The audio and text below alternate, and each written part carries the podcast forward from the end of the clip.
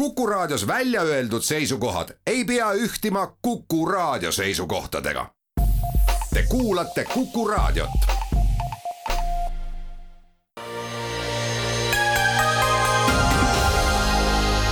poliitikakuru. poliitikakuru. tervist, sügisene päike särab aknasse ja aeg on alustada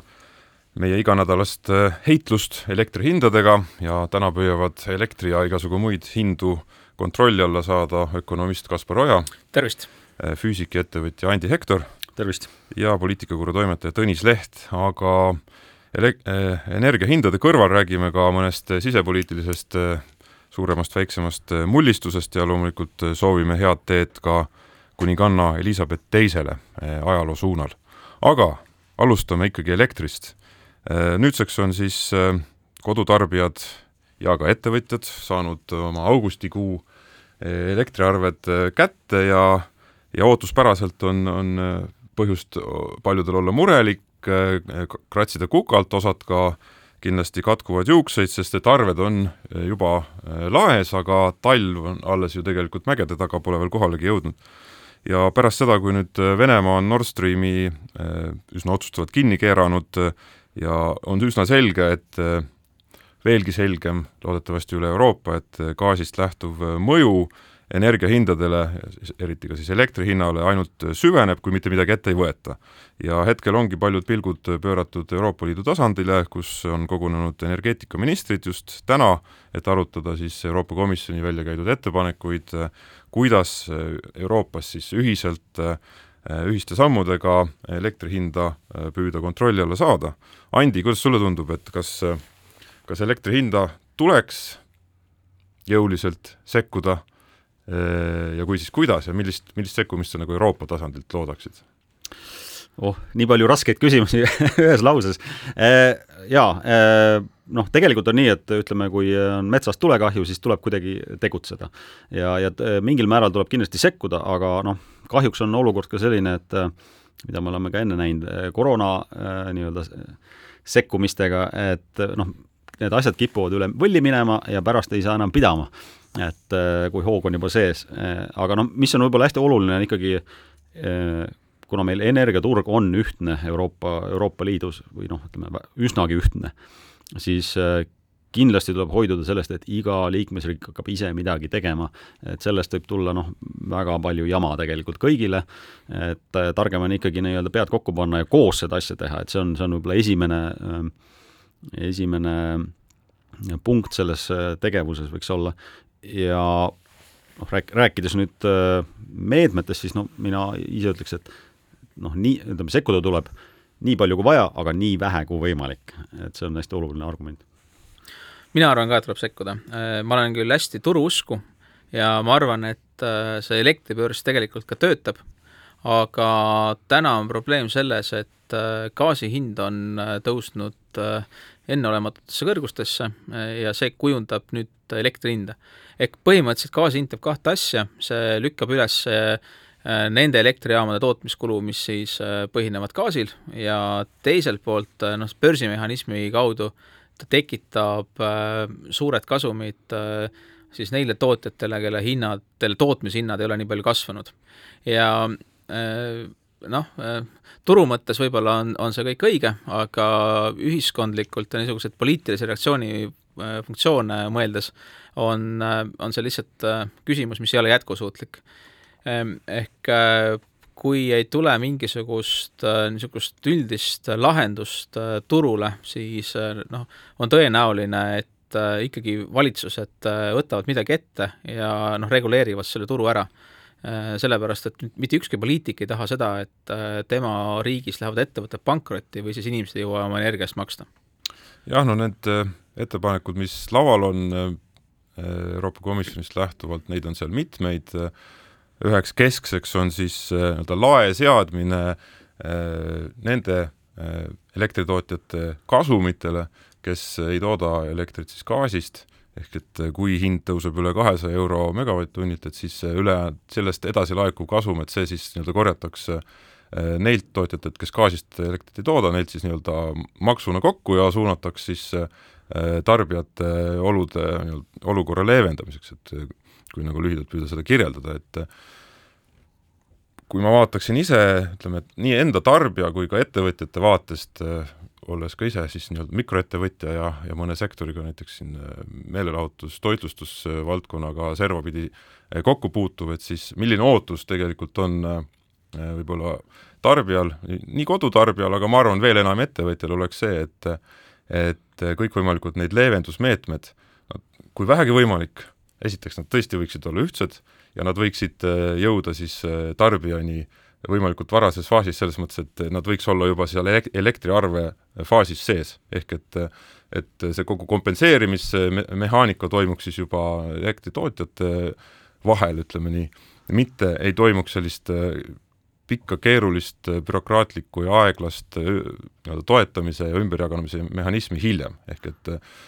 nii-öelda ei aidataks tagantjärgi, see on nagu see, mis eriti just ettevõtjad sooviksid sellist, sellist lähenemist ja sellist selgust, ma usun. aga siin on muidugi äh, mitu erinevat mõõdet, mida peaks vaatama. et äh, üks asi on selline noh, võib-olla siis see õigluse mõõde, millest me seni oleme rääkinud, et me, et äh, need äh, osa elektritootjate kasumit ei tundu ühiskonna mõttes õiglased äh, ja noh, see ei ole jätkusuutlik äh,, aga noh, teine mõõde on noh, näiteks see, et mis on kiiresti tehtav, et äh, mis on see see meede, mis on, on noh, piisavalt läbipaistev ja kõigi Euroopa Liidu riikide õigussüsteemi kiiresti üleviidav, et kui on noh, siin mõnedest meetmetest räägitud, et mida võiks rakendada, siis noh, räägitakse, et võima, võib-olla teeme poole aasta pärast või teeme järgmisel aastal. Et noh, need ei ole praegu realistlikud, et tegelikult seda meedet on ikkagi vaja juba väga kiiresti. Ja noh, teine küsimus on selline ka niisugune nagu oma nagu ütleme siis nagu teki enda poole tõmbamise küsimus, et äh, kes selle kinni maksab, et äh, kust kohast äh, võetakse raha, et kas äh, kas sellise äh,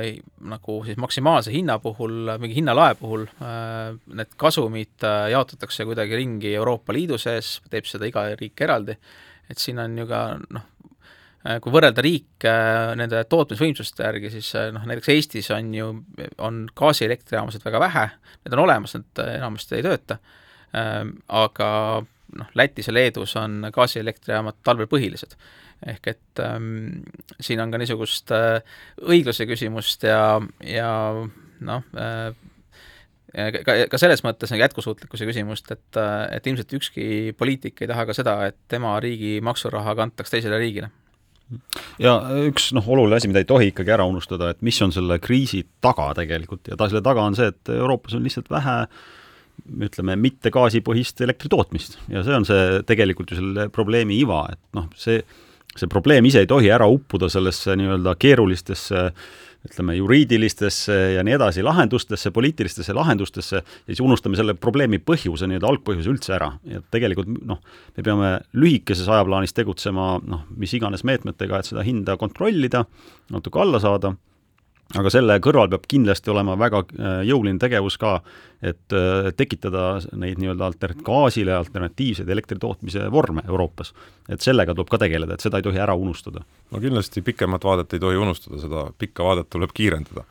aga Kaspar, sulle vastuseks, et see nii-öelda ootus või lootus, mida ma tarbijate seisukohalt sõnastasin, et see on loomulikult, see on, see on ideaal, mis äh, põrkub väga kiiresti terve hunniku äh, praktiliste, bürokraatlike, poliitiliste, muude taoliste nii-öelda puhtpraktiliste äh, takistuste vastu, et milline süsteem reaalselt õnnestub äh, kokku leppida, on hoopis nagu teine kiht. aga jah, ideaalis võiks ta olla selline, mis, mis ei tekita sellist koroona toetuste laadset nii-öelda ringiga mehhanismi, millega haldamine on võib-olla kallim otsapidi. jaa, täiesti nõus ja ma arvan, et ka sellepärast oleks oluline, et siis kajastuks see tõenäoliselt otseselt inflatsioonis, et äh, Äh, noh, me ilmselt siin saate jooksul räägime inflatsioonist veel, aga kui äh, noh, inflatsioonil on niisugused äh, pakkumispoolsed põhjused, nagu noh, praegu on energiahinnad, siis siis teistmoodi seda noh, väga, väga alla ei saa, kui, kui midagi nende energiahindadega ette võttes. kui, kui aga midagi teha ja noh, see ei kajastu siis selles inflatsiooni näitajas, siis niisu-, võivad niisugused teatavad nagu teise ringi efektid ikkagi inflatsioonis alles jääda, et noh, paljud lepingud on indekseeritud inflatsiooniga näiteks või või ka noh, näiteks sotsiaaltoetused, ehk et äh need meetmed peaksid olema sellised, mis aitavad ka inflatsiooni alla tuua. No üks mõõde, mis arutelude alla kindlasti tuleb, mis otseselt nüüd Euroopa Komisjonist ei lähtunud, aga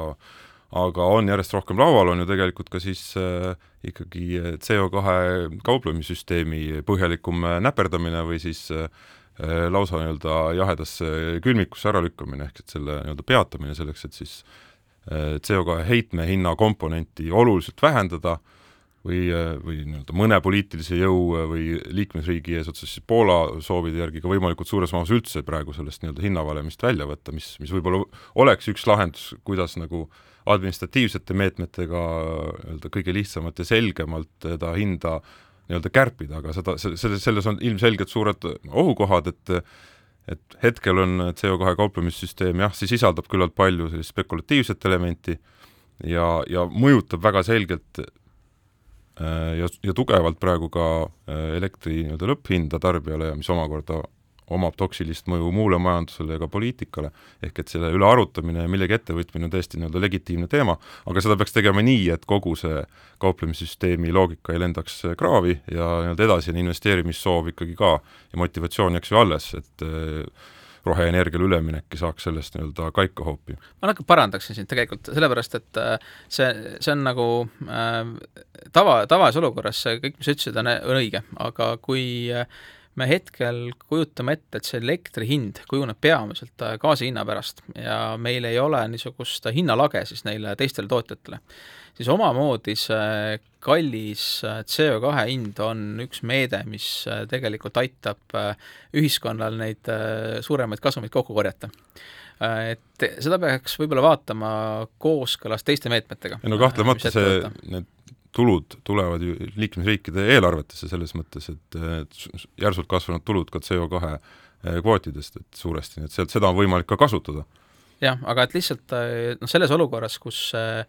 Ehm, kus ütleme, need sellised suure CO2 mahuga jaamad, nagu meil põlevkivijaamad või siis kivisöejaamad, ei ole need viimased jaamad, mis turule lülitavad, siis tegelikult see, see CO2 hind ei olegi võib-olla nii oluline küsimus, et kui kui saada, saadakse kuidagi panna siis mingisugune hinnalagi neile jaamadele ja see kasum teistmoodi ümber jagada, siis muutub see teema muidugi olulisemaks. No seal, seal on see ka küsimus, et äh, nii-öelda selle CO2 nii-öelda ühikute äh, börsisüsteemi, sinna, sinna võib-olla peaks ka vahel sekkuma, kui on näha, et hind läheb noh, mi-, mis iganes põhjusel, tihti ka lihtsalt äh, ütleme, kauplemissüsteemi eripära tõttu väga kõrgele ja noh, siis võiks olla ju Euroopa Komisjonil või, või mingil, mingil organil äh, õigus natukene juurde emiteerida sinna, et seda hinda korraks alla tõmmata. ja noh, pärast jälle kokku korjata, et noh, selline ütleme, ajutine dünaamiline sekkumine, kui on näha, et noh, tõesti asi läheb nagu hapuks, äh, võiks, selline võimalus võiks olla seal. aga, aga noh, ma ikkagi, tulles tagasi jälle selle Poola nii-öelda äh, peaministri jutu juurde, siis noh, ütleme nii, et see on, mina ütleks, et see on temal lihtsalt üks kauplemise argument, et see on noh, nad lähevad kauplema ja noh, siis äh, kui sa kauplemist alustad, siis sa alustadki nii-öelda nullist, ütled, et lammutame kõik ära ja aga noh, me kindlasti ei jõua sinna, ma usun. ja no iseenesest tegelikult see CO2 hinna fikseerimine mingisugusel tasemel võib olla täiesti adekvaatne tegevus selleks, et anda äh, suurem äh, kindlustunne neile siis elektritootjatele, et nad teaksid tulevikuks oma oma investeeringuid planeerida, aga, aga lihtsalt äh, noh, tahaks öelda, et praegu, kui noh, see põhiprobleem on, on ikkagi need Äh,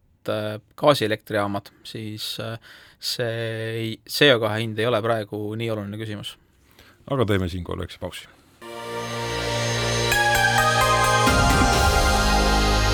poliitikakuru.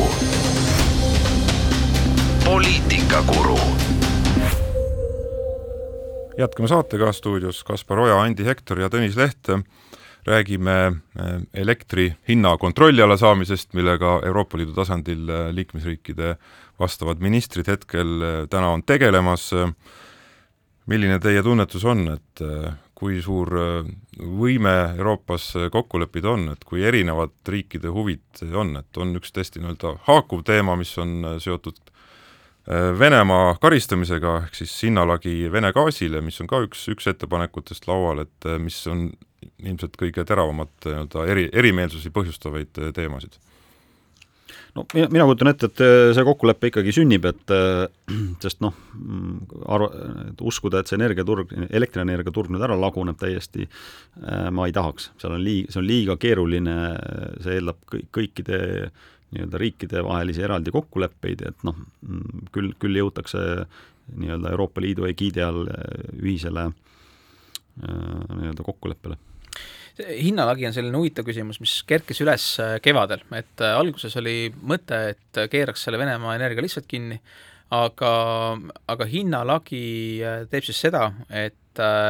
Venemaal on võimalik energia eest saada vähem raha, et olukorras, kus me keerame kinni, võib juhtuda niimoodi, et maailmas läheb hind üles, kuna Venemaa pakkumine väheneb ja Venemaa tegelikult saab rohkem raha kui enne.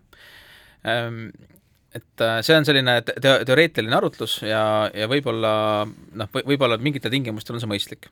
Äh, gaasi puhul tasub minu meelest mõelda sellele, et mispärast me üldse hakkasime Venemaalt ostma gaasi äh, turuhinna alusel. et mõte oli selles, et Venemaa ei saaks diskrimineerida, on ju, erinevaid Euroopa Liidu riike ja siis sellega survestada neid poliitiliselt et kui kõik ost-, kõik, kõik ostavad äh, läbi, läbipaistvalt äh, turuhinnaga, siis noh, Vene, Venemaa seda teha ei saa. ja et niisuguse noh, eraldi süsteemi mingi kokkulepitud hinna tekitamine võib minu arvates selle probleemi tagasi tuua. Ähm, ja nüüd eraldi küsimus on veel see, et kas Venemaa üldse on huvitatud gaasi müüma mingisuguse madalama hinnaga, et noh, tegelikult noh, olgem ausad, et praegu ju Venemaa seda gaasi ei müü ja noh, ei müü ka selle kõrgema hinnaga. ehk äh, ikkagi Venemaa kasutab äh, gaasi relvana ja, ja, ja noh, nii, nii lihtsalt see praegu paraku on, et äh, Venemaa, Venemaalt nagu gaasi saada ei ole praegu mõtet äh, loota aga muidugi Venemaa puhul tuleb ka arvestada seda, et eks see relv nii-öelda torgib teda ennast ka, et et ta üritab, noh, ta saab aru, eks nad ise üritavad ära arvata nii-öelda, mis on see kõige tundlikum moment, kuna Euroopat tasub selle gaasirelvaga rünnata, aga noh, teiselt poolt nad jäävad ju ise sellest rahast ilma, et noh, nad, nad nii-öelda nende sees käib ka nii-öelda sisemine võitlus, et nad ei saa lõpmatult seda Äh, kuna seda maagaasi mujale äh, saata ei saa kui Euroopasse, siis noh, seal, seal tekib ka küsimus, et mis on nende taluvuspiir, et, et sellist poliitikat jätkata. ei no samas jah, see on tõsi, et nad äh, neid torusid pidi seda mujale kui Euroopasse väga palju saata ei saa ja juhul, kui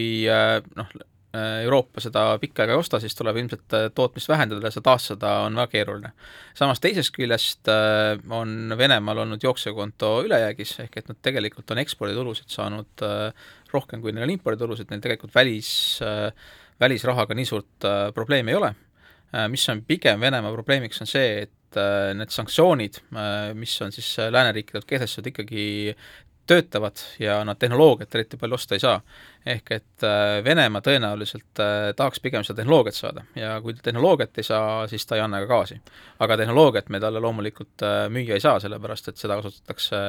valel otstarbel. ehkki jah, Vene gaasi eksport Euroopa Liitu on kukkunud seal kahekümne protsendi suurusjärku võrreldes perioodiga mis oli siis enne sõda, siis endiselt ta siiski päris lõppenud ju veel ei ole ja pole ka endiselt kadunud nii mõnegi Euroopa liikmesriigi siis äh, eeldus ja lootus, et see ei lõppegi päriselt ära ja võib-olla ka lähiajal taastub äh, rohkem, ehk et äh, selles mõttes see nii-öelda hirm või kartus Vene gaasile hinnalae kehtestamise suhtes on ikkagi päris suur mitmes-mitmes liikmesriigis, ka suuremates liikmesriikides, Saksamaa, Prantsusmaa, see kõhklused on seal väga olulised. Ja noh, seda enam on ikkagi oluline, et see Euroopa ühtsus äh, sanktsioonide hoidmise osas äh, püsiks ja selle kõrval, et suudetaks siis äh, elektri hinda kontrollivaid meetmeid kokku leppida, mis on ju natukene sellest Vene, Venemaa sanktsioneerimisest ja karus, karistamisest lahus, ehk et saaks oma tarbijatele natukene soodsama olukorra tekitada nii-öelda perspektiivi talvele vastu minnes, mis siis omakorda võtaks vähemaks ka siis poliitilist äh, survet äh, valitsustele, et ega eks me ju näeme, et Venemaa üritab mõjutustegevusega, kogu see gaasisõda on ju selle äh, mõttega tehtud ja, ja ja neid noh, näiteid sellest, kuidas sisepoliitilisi pingeid on, on ju ridamisi, et noh, Ungarit me teame hästi, et ta toimib sisuliselt Venemaa mõjuagendina Euroopa Liidus. Tšehhis suur, üsna suur meeleavaldus hiljuti Vene sanktsioonide vastu, meil on ju Itaaliast tulemas äh, kuu lõpus parlamendivalimised ja on vägagi võimalik, et seal tuleb võimule parem, uus parempopulistlik koalitsioon või ütleme, parempopulistlikke jõudude juhitud koalitsioon ja ükskõik, mida räägitakse seal praegu valimiskampaania käigus, et kuidas kuidas hoitakse neid sanktsioone ja poliitikat Venemaa suhtes, siis võib väga keeldada, et see, see joon seal muutub pehmemaks nii-öelda, läheb rohkem Ungari suunas, et ja, ja ka teistes liikmesriikides nii-öelda sellist muret läbi rahulolematu kodanikkonna saame talvel kindlasti nägema, et selles mõttes on sellist äh, pinge mahavõtmist äh, hädasti tarvis. jah, äh, väga nõus sellega, et eks aga noh, see pinge mahavõtmine ei saa, ütleme, majanduslikud meetmed ja, ja kas või see hinnalagi on üks, üks pool sellest, aga noh, kindlasti tuleb tegeleda nii-öelda aktiivmeetmetega ka, et, et reaalselt üritada ikkagi piirata seda Venemaa mõjutustegevust Euroopas ja noh, sellega mõned riigid võiks palju rohkem tegeleda, kui nad on tegelenud. aga ma lisaksin siia võib-olla mõned ka niisugused optimistlikud noodid lõppu selle gaasikriisi osas, et kui me vaatame, mis on viimasel ajal toimunud gaasi hinnaga Euroopas, siis see on märkmi-, märkimisväärselt langenud võrreldes tipptasemetega et hoolimata sellest, et Nord Stream, Nord Stream üks on kinni pandud. samamoodi maailmas on LNG hind langenud, et noh, see kui me vaatame Jaapani, Korea äh, LNG hinda, siis see natukene jääb praegu allapoole äh, ka siis äh, Euroopa gaasi hinnale, noh, seal peabki olema väikene vahe sees, kuna Euroopasse toomine maksab ja, ja ja kuna meil on LNG vastuvõtuvõimsuseid puudu, siis, siis noh, see hind Euroopas peabki olema natukene kõrgem kui, kui LNG hind maailmas, aga, aga üldiselt äh, on sellel gaasiturul läinud olukord eurooplasteks soodsamaks. Ja samuti, kui vaadata nüüd äh, neid varusid, mis Euroopas on, siis noh, Euroopas tervikuna äh, kui me arvestame selle eelmise aasta tarbimisega, võtame arvesse, kui palju on suudetud suurendada LNG voogusid Euroopasse, ka teisi gaasivoogusid siis mujalt kui Venemaalt, ja kui palju on hoitud kokku tarbimist ja kui me eeldame, et need trendid jätkuvad kõik, siis äh, tegelikult Euroopa peaks enam-vähem äh, gaasiga sel talvel hakkama saama. muidugi regionaalsed erinevused võib olla ja nendega peab veel tegelema, aga aga suures pildis see olukord äh, tegelikult väga halb ei ole. no tegelikult me näeme ju ka laiemalt hinda, hinna mõttes soodsamaid arenguid ka näiteks nafta maailmaturu hinnaga, et võib-olla see ei ole, see ei ole ka ainult nii-öelda gaasi põhine teema ja seda enam, kui äh, kui ees on terendamas ikkagi globaalselt noh, eri piirkondades erinevalt, aga aga majanduslangus, ehk siis nõudluse pool on ka oluliselt kukkumas, ehk et see tegelikult lõppkokkuvõttes võib ka neid hindu, tõenäoliselt ongi neid hindu alla toomas ka, ka tarbijate jaoks. ja see on muidugi kahe teraga mõõk selles mõttes, et et me võime näha madalamaid energiahindasid, aga tegelikult ka kehvemat majandusolukorda aga siin on võib-olla üks argument veel, mida noh, mis on küll esialgu võib-olla emotsionaalne Aasia maades, aga noh, Jaapanist tuli just uudis, et nemad käivitavad uuesti oma tuumaelektrijaamad, Lõuna-Koreas sai valmis uus tuumajaam, nii et noh, see, see ei ole väga suur osa tarbimisest, kuigi Jaapan on väga suur LNG tarbija, aga ta on emotsionaalselt siiski nii-öelda pikaajalisele turule väga tugev sõnum. et äh, alternatiivsed energia tootmisviisid tulevad ka uuesti nii-öelda lauale. aga selle teema lõpetuseks, äh, on teil soovitusi Eesti valitsusele, Eesti parteidele, mida siis äh, veel,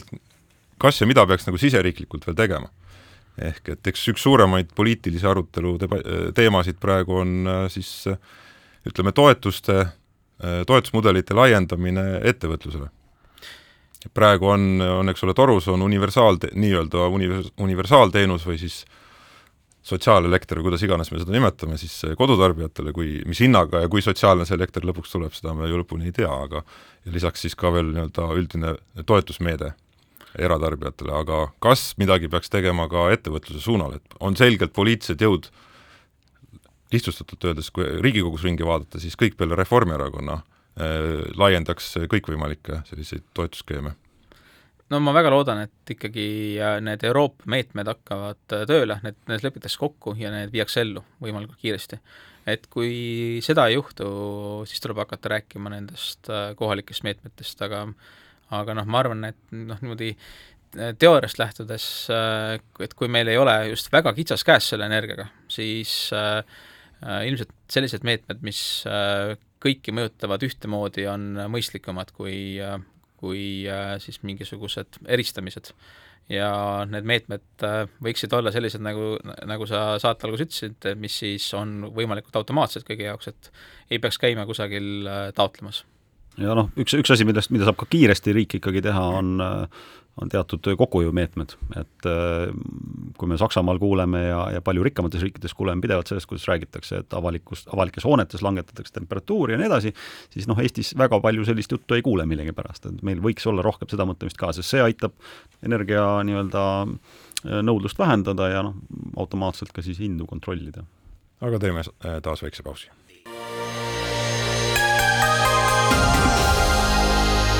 poliitikakuru. poliitikakuru. oleme eetris tagasi, stuudios Andi Hektor, Kaspar Oja ja Tõnis Leht ja võtame nüüd ette eh, nädalanumbri, mis on null koma seitsekümmend viis protsenti või siis seitsekümmend viis baaspunkti, kuidas meeldib just täpselt öelda, ehk siis eh, nõnda palju otsustati siis Euroopa Keskpanga poolt eh, tõsta eile baasintresse, et, et saaks viimastel aegadel äh, vägagi galopeeriv inflatsioon veidike kontrolli alla ja lubati ka intresside tõstmist äh, edaspidi äh, jätkata, et liikuda ikkagi sellise põhieesmärgi ehk siis kaheprotsendise inflatsiooni eesmärgi suunas Eurotsoonis, tõsi, augustis oli see siin Eurotsoonis üheksa koma üks protsenti ja Eestis, Eestis seal veerand saja protsendi ligidal, et hoopis teised numbrid, aga Kaspar, sina Äh, kahtlemata toetad ilmselt seda otsust üsna tugevalt, et äh, tõenäoliselt, aga mida, mida sina ütleksid neile, kes muretsevad, et, et see ikkagi pretsedenditult järsk äh, intressitõus võib juba niigi langusesse minevat majandust nagu veel kiiremini ja sügavamat langusse lükata? ma sellise disclaimer'ina ütleksin siia juurde, et ma olen küll Eesti Panga ökonomist, aga, aga rahapoliitika teemadega ma ei tegele. Aga äh, kui me vaatame majandusajalukku, siis äh, praegusega väga sarnane kriis toimus seitsmekümnendatel, kui oli Yom Kippuri sõda ja siis Araabia riigid äh, kehtestasid äh, lääneriikidele naftaembargo. Ja noh, tollane reaktsioon oli see, et hakati siis langetama intressimäärasid ja see kokkuvõttes tähendas seda, et pikaajaliselt läks inflatsioon käest ära praegu me oleme olnud situatsioonis, kus meie rahapoliitika on väga leebe, meil olid isegi negatiivsed intressimäärad ja tegelikult sealt äh, väljatulek äh, äh, tundub selle ajaloolise näite põhjal praegu väga mõistlik, aga samas kui me nüüd hakkame vaatama, mis on need inflatsiooni põhjused ja noh, kui palju harilikult intressipoliitika inflatsiooni mõjutab, siis noh, lühiajaliselt ei saa siit loota et äh, see inflatsiooni väga palju allapoole tooks, et tegelikult ju ka ECB räägib äh, pikaajalist äh, inflatsiooni ootuste ankurdamisest ja sellest, et, et pikaajaliselt ikkagi inflatsioon oleks seal kahe protsendi läheduses. ja noh, nad on valmis intressimäärasid tõstma veel selleks, et see tagada. et kui me nüüd selle ajaloolise näite peale mõtleme, siis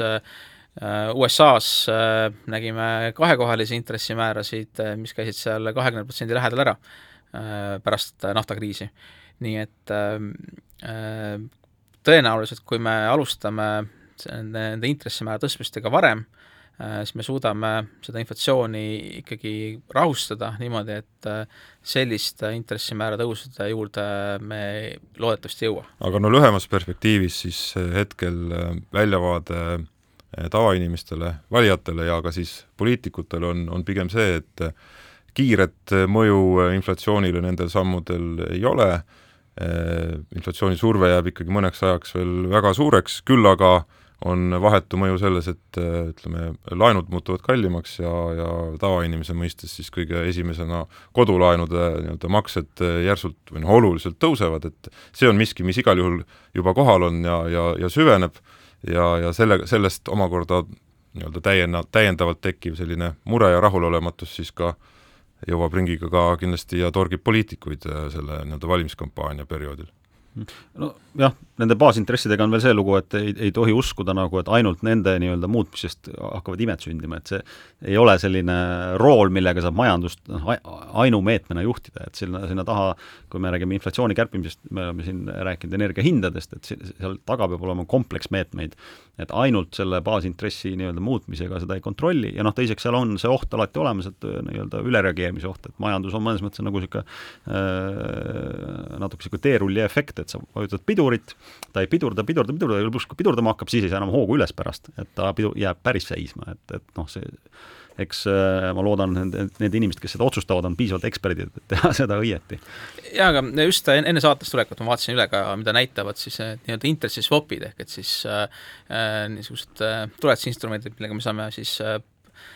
vaadata, kui suurt intressitõusu turud ootavad äh, ja noh, nüüd on äh, need liikunud niimoodi, et et noh, oodatakse, et kusagil kuue kui Euribor noh, kümne aasta pärast võiks olla kolme protsendi juures, et, et kui ma õigesti mäletan, nädal aega tagasi olid nad kusagil kaks ja pool näitasid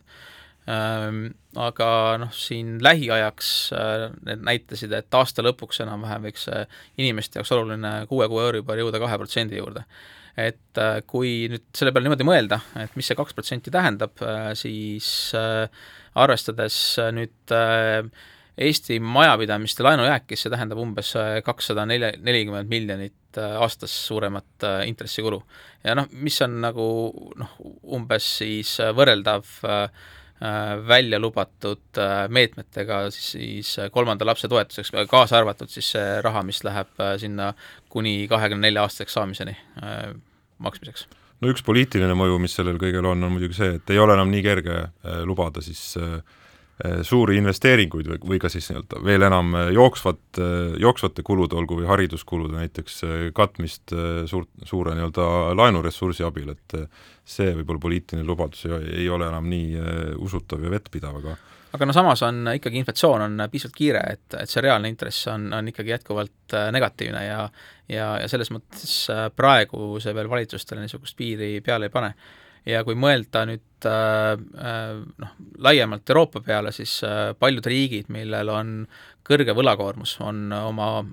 võlga refinantseerinud madala, madalate intresside perioodil ja tegelikult see nende keskmine intressikulu püsib madal veel üsna pikka aega. Jah, intressimääradest veel rääkides, et, et me oleme iseenesest euroalas olnud küllaltki eh, niimoodi noh, võiks öelda, et eh, vanajumala selja taga, et eh, meil need intressimäärad ei ole veel väga palju kasvanud, et kui me vaatame teisi Euroopa riike, mis ei ole euroalas, siis seal on intressimäärad selle kriisi ajal kasvanud juba märksa kiiremini ja palju kõrgemad Mhm. aga kuidas sinu hinnang on, et kuidas see Lõuna-Euroopa talub, ütleme, pra-, praegu tõsteti, noh, kui tõstetakse veel ja veel, kus see, kus see piir nii-öelda vastu tuleb, et Lõuna-Euroopa suured äh, avaliku sektori laenud hakkavad lõpuks ju neid ikkagi kägistama? no esiteks see, see intressimäär, millest me räägime, on siis, siis äh, keskpanga intressimäär, mis on lühiajaline intressimäär ja ta noh, enam-vähem need pankadevahelised intressimäärad, noh milleks siis on Euribor, need äh, järgivad seda, mida teeb äh, keskpanga intressimäär. et need äh, valitsuse võlakirja intressimäärad on pikaajalised intressimäärad ja nad noh, on ilmselt ka mõjutatud rahapoliitikast, aga, aga pikaajaliselt võiksid need, need olla mõjutatud ka teistest protsessidest samas ECB on lubanud äh, ka niisuguseid äh, siis teatavaid toetusmeetmeid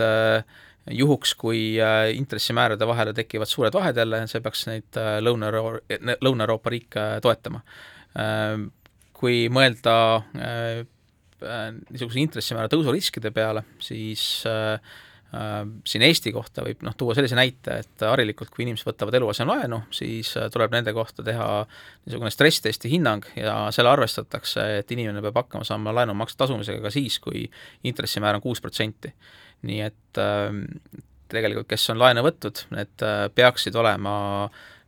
suutelised praeguse intressitõusuga siiski toime tulema. ja ECB on siis Euroopa Keskpank, aga teeme siinkohal väikse pausi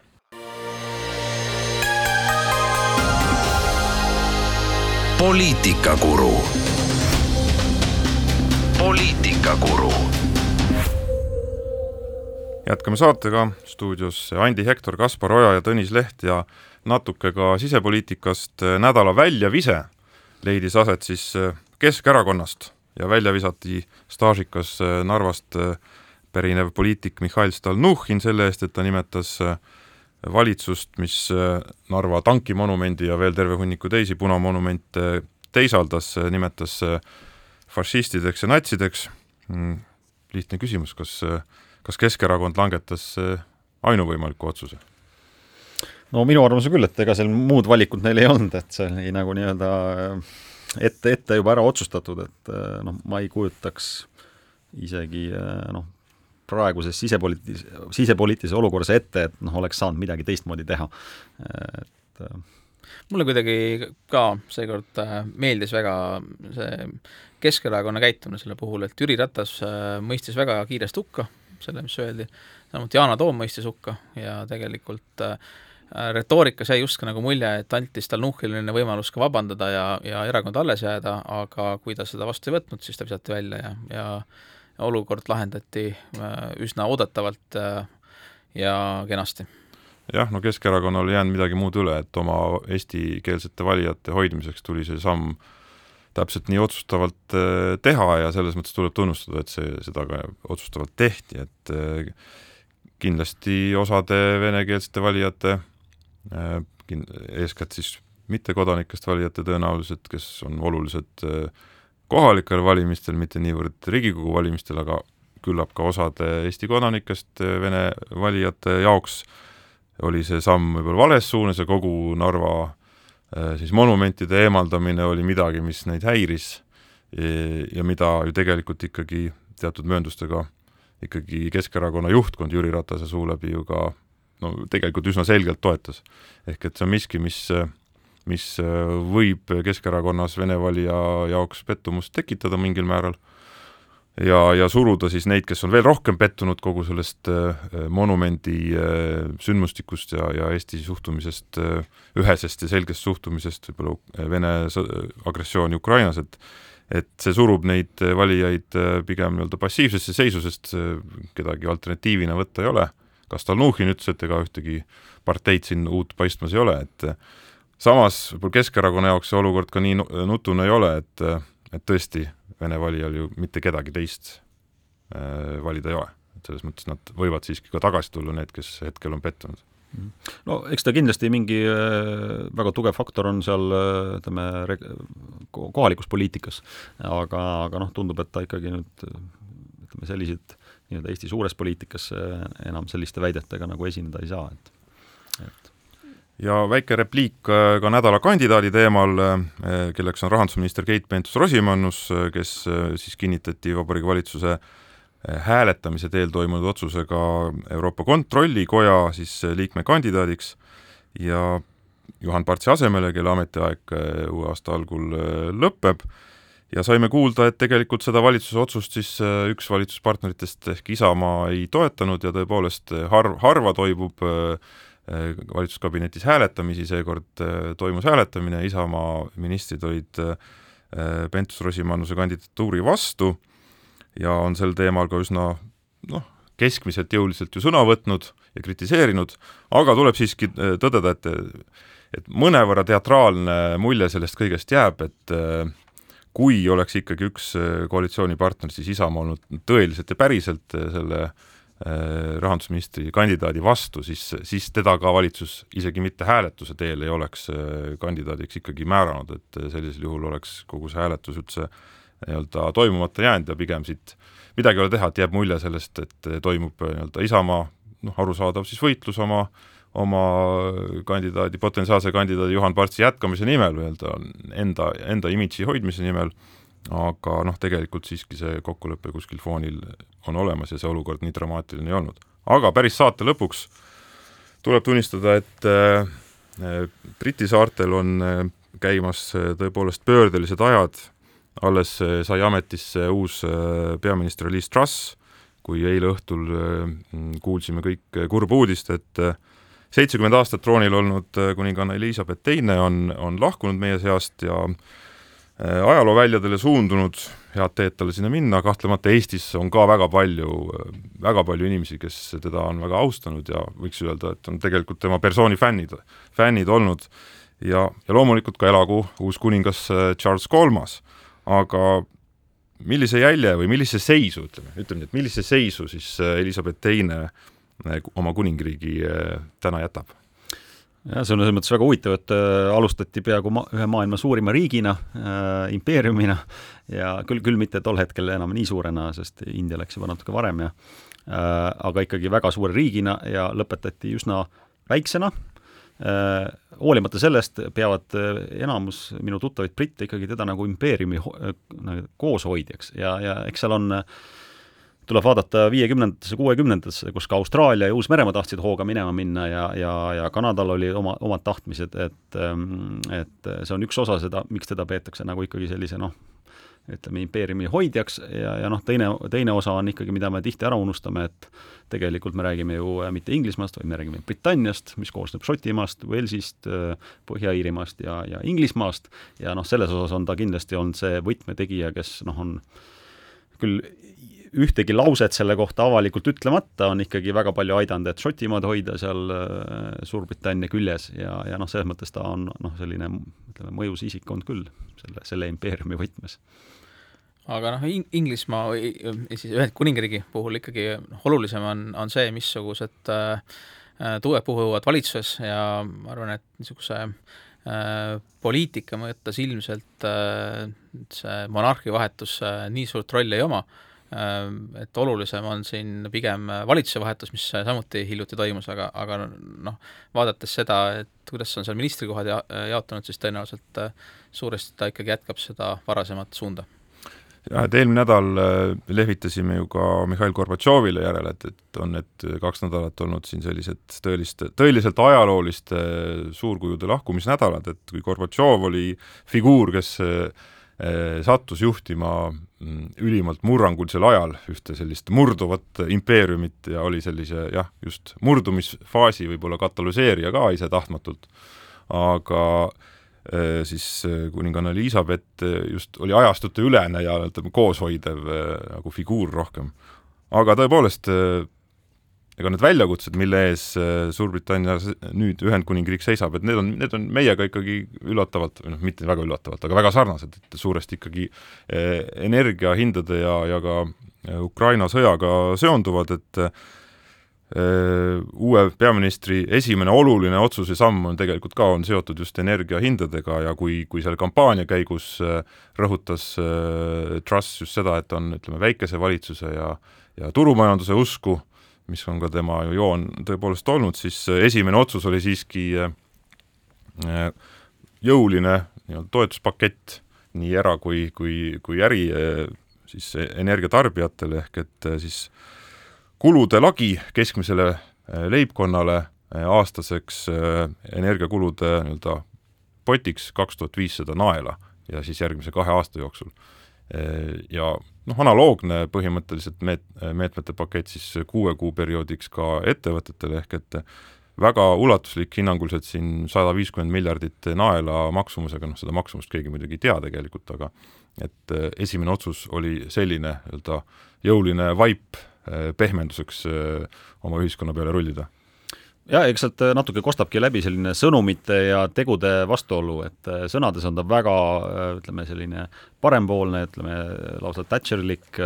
figuur üritab olla, kes noh, väga karmilt nii-öelda mm, toetab ütleme, sellist äh, igasuguse sotsiaalmeetmete vähendamist ja, ja riigi sekkumise vähendamist, äh, ettevõtlusvabadust ja nii edasi, aga teisest küljest kohe äh, vaatab vastu esimene tegu, mis, mis ei ole selles suunas. aga see minu meelest see iseloomustab väga hästi seda, et kui me tahame äh, kõiki neid turureegleid ja turuvabadust hoida, siis, siis mingil määral me peame praegu sekkuma, et ei tuleks niisugust veel hullemat tulemust aga meie saateaeg saab pöördumatult läbi, oleme taas eetris nädala pärast, olge seniks äh, tublid ja terved!